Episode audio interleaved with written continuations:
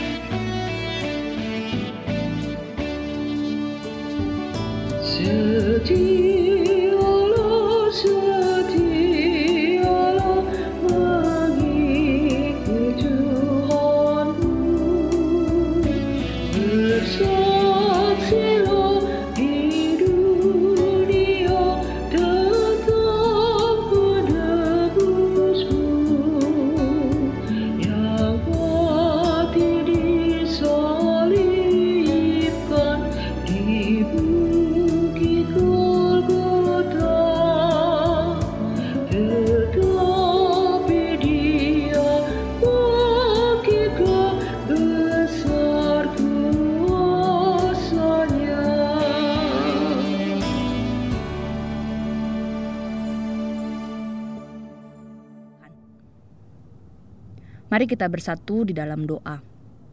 Ya benar ya Tuhan, inilah yang menjadi kerinduan kami untuk tetap setia mengikuti Engkau.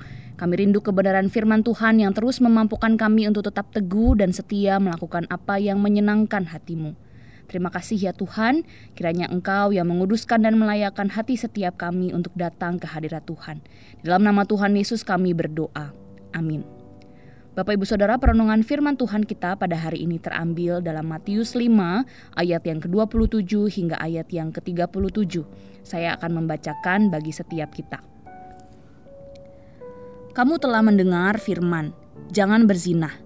Tetapi aku berkata kepadamu, setiap orang yang memandang perempuan serta mengingini, menginginkannya sudah berzinah dengan dia di dalam hatinya.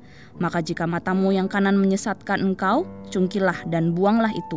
Karena lebih baik bagimu jika satu dari anggota tubuhmu binasa, daripada tubuhmu dengan utuh dicampakkan ke dalam neraka. Dan jika tanganmu yang kanan menyesatkan engkau, penggalah dan buanglah itu. Karena lebih baik bagimu jika satu dari anggota tubuhmu binasa daripada tubuhmu dengan utuh masuk neraka. Telah difirmankan juga siapa yang menceraikan istrinya harus memberi surat cerai kepadanya. Tapi aku berkata kepadamu, setiap orang yang menceraikan istrinya kecuali karena zina, ia menjadikan istrinya berzinah. Dan siapa yang kawin dengan perempuan yang diceraikan, ia berbuat zina. Kamu telah mendengar pula yang difirmankan kepada nenek moyang kita, janganlah bersumpah palsu, melainkan peganglah sumpahmu di depan Tuhan. Tetapi aku berkata kepadamu, janganlah sekali-kali bersumpah, baik demi langit, karena langit adalah tahta Allah, maupun demi bumi, karena bumi adalah tumpuan kakinya, ataupun demi Yerusalem, karena Yerusalem adalah kota raja besar. Janganlah juga engkau bersumpah demi kepalamu, karena engkau tidak berkuasa memutihkan atau menghitamkan selai rambut pun. Jika ya, hendaklah kamu katakan ya. Jika tidak, hendaklah kamu katakan tidak. Apa yang lebih daripada itu berasal dari si jahat. Bapak Ibu Saudara, demikianlah firman Tuhan. Dan tema perenungan firman Tuhan kita pada hari ini adalah etika hati. Bapak Ibu Saudara dalam bagian firman Tuhan yang telah kita baca, kita dapat melihat bagaimana Tuhan Yesus mengajarkan hal konkret seorang pengikut Kristus untuk hidup benar sesuai dengan ajarannya. Keunikan ajaran dan tindakan Yesus sebenarnya pada waktu itu berpotensi memunculkan tuduhan bahwa Yesus telah meniadakan hukum Taurat. Jika ini yang terjadi, apa yang diajarkan dan dilakukan oleh Tuhan Yesus merupakan sebuah kasus yang sangat serius bagi masyarakat Yahudi pada waktu itu. Karena hukum Taurat adalah tanda perjanjian umat dengan Allah dan ketaatan terhadap Taurat merupakan harga mati bagi sebagian besar orang Yahudi. Lalu bagaimana menjalankan kehidupan yang benar yang melampaui apa yang dilakukan para pemuka agama Yahudi pada waktu itu? Bapak Ibu Saudara, Tuhan Yesus mengajarkan tentang motivasi di balik melakukan hukum Taurat, yaitu etika hati Tuhan Yesus menentang penafsiran Taurat yang keliru, yang justru semakin membuat peluang untuk berbuat dosa dan tidak melakukan apa yang Tuhan Allah telah rencanakan. Justru melalui inkarnasinya, Kristus menuntaskan tujuan hukum Taurat. Apa yang sudah direncanakan Allah dan dinyatakan melalui Taurat, hal itu direalisasikan melalui pelayanan Yesus Kristus, Sang Mesias. Ia datang untuk menggenapkan seluruh kehendak Allah bukan meniadakan. Dalam keseluruhan pelayanan Kristus, ia memang melakukan tiga poin ini. Ia datang untuk mentaati Taurat, ia datang untuk menerangkan makna yang lebih esensial dari Taurat, dan ia juga datang untuk merealisasikan tujuan Taurat itu. Taurat menunjukkan keberdosaan manusia. Manusia menyadari dirinya tidak berdaya dalam mentaati Taurat. Dan pengungkapan dosa melalui Taurat ini sebenarnya merupakan persiapan supaya setiap umat memahami bahwa keselamatan adalah anugerah Allah di dalam Yesus Kristus. Sehingga ketika para pengikut Kristus mentaati perintah Tuhan, ketaatan itu merupakan ekspresi iman dan ucapan syukur atas karya keselamatan yang dituntaskan oleh Kristus, bukan lagi sebagai tuntutan legalistik atau syarat keselamatan.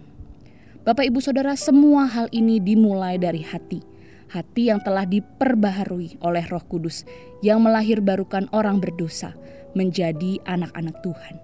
Dengan hati yang sudah dibaharui, maka kita bisa melakukan apa yang Tuhan perintahkan dengan pemahaman yang benar. Seperti bacaan yang sudah kita baca. Membunuh bukan semata-mata melalui perbuatan fisik. Marah dan memfitnah juga bisa membunuh. Adalah munafik jika melakukan ritual ibadah dengan hati yang mendendam Perzinahan dimulai dari hati yang kotor, berfantasi jorok, melecehkan lawan jenis, dan akhirnya bermuara pada perbuatan zina. Melegalkan perceraian sama dengan menolak penetapan Tuhan atas pernikahan kudus, dan hal-hal lainnya yang perlu kita lakukan sebagai pengikut Kristus. Melihat segala perintah Tuhan dengan kacamata yang benar dan motivasi hati yang tepat. Mari kita hidup benar di hadapan Tuhan, dimulai dari hati yang rindu, semakin hari semakin dibaharui oleh Allah Roh Kudus sehingga kita bisa melakukan apa yang Tuhan kehendaki dan menyenangkan hatinya. Mari Bapak Ibu Saudara, kita bersama-sama bersatu hati kita berdoa. Tuhan Yesus kami mengucap syukur untuk karya keselamatan Allah yang Tuhan nyatakan di dalam Yesus Kristus. Di atas kayu salib kami bersyukur ya Tuhan, Engkau sendiri yang menyucikan dan menguduskan hati setiap kami, orang-orang yang berdosa, orang-orang yang sebenarnya layak untuk menerima hukuman atas dosa-dosa kami. Tapi kami bersyukur ya Tuhan, di dalam keselamatan Yesus Kristus di atas kayu salib, kami menerima anugerah keselamatan. Kami menerima hidup yang baru dan bahkan kami dilayakkan untuk menjadi anak-anak Tuhan. Oleh sebab itu ya Tuhan kami rindu hidup kami menjadi sebuah ungkapan syukur, menjadi sebuah ekspresi iman kami kepada Tuhan melalui kehidupan kami yang semakin hari semakin dibaharui, semakin serupa dengan Tuhan. Tolong kami ya Tuhan untuk punya hati yang mau menyenangkan Tuhan, punya hati yang mau terus tetap setia kepada Tuhan sampai ikut akhir hidup kami. Terima kasih Tuhan Yesus. Di dalam nama Tuhan Yesus kami berdoa dan mengucap syukur. Amin. Selamat beraktivitas Bapak Ibu Saudara. Tuhan Yesus memberkati setiap kita.